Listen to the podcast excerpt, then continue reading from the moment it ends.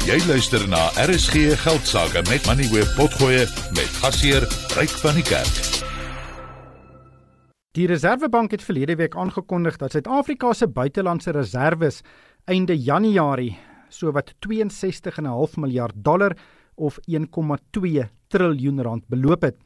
Dit bestaan uit buitelandse valuta van so 47 miljard dollar 8,3 miljard rand se goud en 6,2 miljard rand se spesiale trekkingsregte by die Wêreldbank. Dawie Rood is op die lyn, hy is van die Efficient Groep. Dawie, baie welkom by die program. Kom ons begin net met 'n bietjie konteks. Wat presies is hierdie buitelandse reserve en hoekom het die Reserwebank dit? In eenvoudige terme hoe dit werk, is dat in Suid-Afrika gebruik ons rande. Ons gebruik nie dollars nie. Maar ons dryf handel met die res van die wêreld. Nou kom ek skets 'n prentjie van iets wat tipies sou gebeur. Sê nou maar Suid-Afrika voer platinum uit en die platinummyn word dan in dollars betaal. Dis nou 'n bietjie meer gekompliseerd as wat ek nou sê, maar die basiese beginsel geld.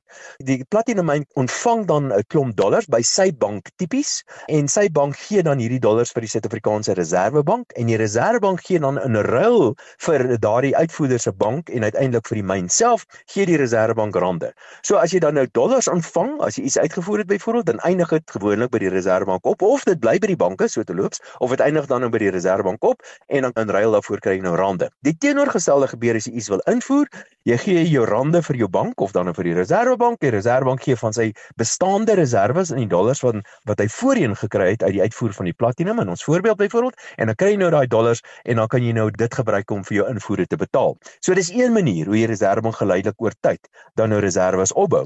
Nog 'n manier wat die reservebank kan reserves opbou onthou is dat die Suid-Afrikaanse regering byvoorbeeld kan na die buiteland toe gaan en hy kan 'n klomp dollars gaan leen wat hulle dan inderdaad doen of euros of yen so wat die geval ook al mag wees. So hy leen buitelandse valuta. Hy gee hierdie buitelandse valuta vir die Suid-Afrikaanse Reserwebank en die Reserwebank in ruil gee nou weer rande vir die regering wat dan gedeponeer word of gekrediteer word tipies op die skatkisrekening van die minister van finansies. En dan eendag wanneer hierdie lenings afbetaal moet word, dan gaan die regering weer terug aan die Reserwebank toe en hy gee vir hom 'n klomp rande en dan hierdie rande rande word dan nou omgesit in dollars en die buitelandse lening word afbetaal. Dis net miskien moeite werd om te noem dat daar nie in alle gevalle nie, maar in die meeste gevalle ooreenkomste tussen die Reserwebank en die Tesourier wat sê dat hierdie dollars wat die Reserwebank hou namens die staat, kan mens nou maar sê, van die lenings vir die staat aangegaan het, mag slegs gebruik word om lenings mee af te los. So die Reserwebank kan nie byvoorbeeld 'n klomp van daai geld gebruik om iemand anders se invoere voor te betaal nie. Dit mag slegs in terme van hierdie ooreenkoms gebruik word om die lenings wat die regering vroeër aangegaan het weer terug te betaal uiteindelik. En miskien 'n laaste punt, jy het verwys na die SDR, spesiale trekkingsregte. Dit is ook reserves. Dit is 'n geldeenheid van die internasionale monetaire fonds en is deel ook van die reserves van die Suid-Afrikaanse Reserwebank en natuurlik 'n bietjie goud. So dit is nie beleggings wat die bank in die buiteland gemaak het nie. Dit kom van wie lenings en dollars en dan ook uit normale internasionale handel.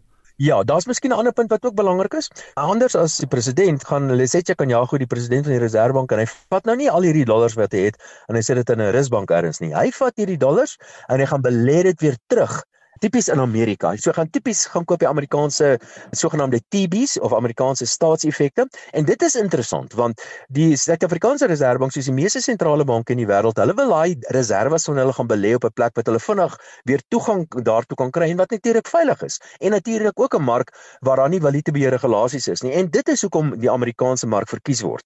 Want die Amerikaanse mark is baie likwid, daar's nie valutabeheer regulasies nie. En dit is so te loops ook een van die redes hoekom die Amerikaanse dollar die wêreld se belangrikste reservegeldeenheid is. Nou maak hy woord reservegeldeenheid eintlik bietjie meer sin, want dis die plek waar jy jou reserves tipies gaan parkeer en dit is tipies in die Amerikaanse kapitaalmark. 1,2 triljoen rand of 62,5 miljard dollar is baie geld. Wie het beheer daaroor? Wie se eiendom is dit? Dis eintlik 'n baie interessante een. Miskien iets anders wat ook die moeite werd is om te noem. Onthou die Suid-Afrikaanse Reserwebank behoort nou wel aan privaat individue.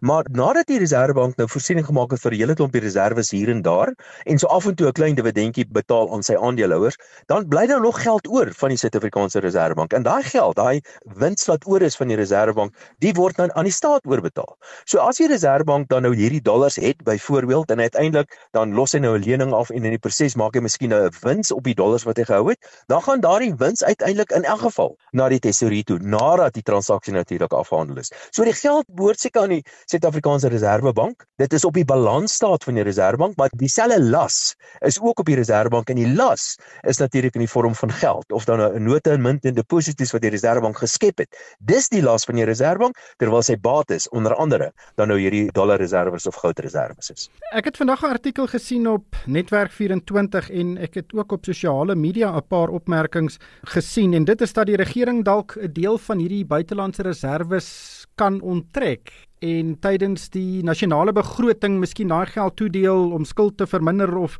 ek wil dit nou nie te hard sê nie, maar ook dalk nasionale gesondheidsversekering te finansier. Ja, onthou nou, gaan 'n bietjie terug na ons voorbeeld weer. So die Reserwebank sit met 'n klomp dollars wat hy op 'n of ander manier gekry het en hierdie dollars se waarde verander natuurlik elke dag in randterme. As die rand byvoorbeeld verswak, dan styg die randwaarde van daardie dollars en die Reserwebank maak eintlik 'n wins dan nou op hierdie dollars wat hy nou gehou het of die goud wat hy nou gehou het. Hy het dit teen 'n sekere prys gekoop. Hy het dollars gekoop argumente daaroor vir R10 en nou verhandel die rand vir R20 vir 'n Amerikaanse dollar. Nou het hy nou 'n ekstra R10 wins gemaak, kan mens maar sê. Daai totale wins van die Reserwebank op hierdie stadium beloop amper 500 miljard rand. Dis 'n verskriklike klomp geld. Maar onthou nou, dis nog nie gerealiseer nie. Dit is miskien 'n papierwins, maar hy moet nou eers die dollars verkoop voordat nou dit 'n werklike wins word. En dan sal natuurlik allerlei ander implikasies ook. So indien hy sou besluit om hierdie dollars te verkoop so lank en dan die geld oor te betaal aan die staat, byvoorbeeld, dit kan gedoen word, dan gaan dit nou allerlei ander implikasies hê. Dit kan lei miskien tot 'n skielike verstewiging in die wisselkoers van die rand, wat dan beteken die Reserwebank moet presies die teenoorgestelde gaan doen. Hy moet 'n klomp likwiditeit uit die mark uit gaan onttrek en dit kos nou weer vir hom geld in terme van rente byvoorbeeld. So dit is sekerlik moontlik maar ek dink dit sal 'n baie gevaarlike ding wees vir die regering om aan te dring op daardie geld en soos wat ek vroeër genoem het, in baie gevalle mag hulle dit in 'n geval nie doen nie, want daar's 'n ooreenkoms tussen Tesorie en die Reserwebank dat hy dollar slegs gebruik mag word om lenings af te los wat uiteindelik dan nou sy vervaldatum bereik. So teoreties kan dit sekerlik gedoen word en so terloops baie sentrale banke in die wêreld doen dit inderdaad. Maar ek dink die staat moet hom net op sy hande sit en wag totdat daai winste gerealiseer het, tot daardie lening werklik terugbetaal is en dan is daar winste, is gaan dit in elk geval oorbetaal word na tesorie. Ja, dit gaan interessant wees want dis 'n pot geld wat teoreties daar lê en die regering het geld nodig. Nou baie mense is skepties oor wat die regering met die geld gedoen het wat hulle die afgelope tyd ingekry het want ons fiskale posisie was so 15 jaar gelede eintlik baie baie goed. Sal dit die einde van die wêreld wees as dit gebeur? So sal sê dis nou free lunch. Onthou nou.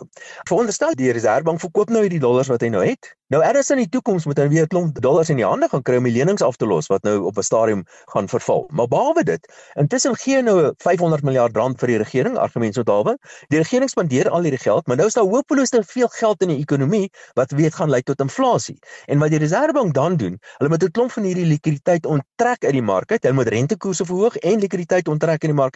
Dit kos ook geld. Maar daardie geld of daai koste gaan natuurlik op die Reserwebank se inkomste staat reflekteer en uiteindelik gaan die Reserwebank 'n groot verlies maak en uiteindelik gaan die belastingbetaler in elk geval daarvoor moet instaan.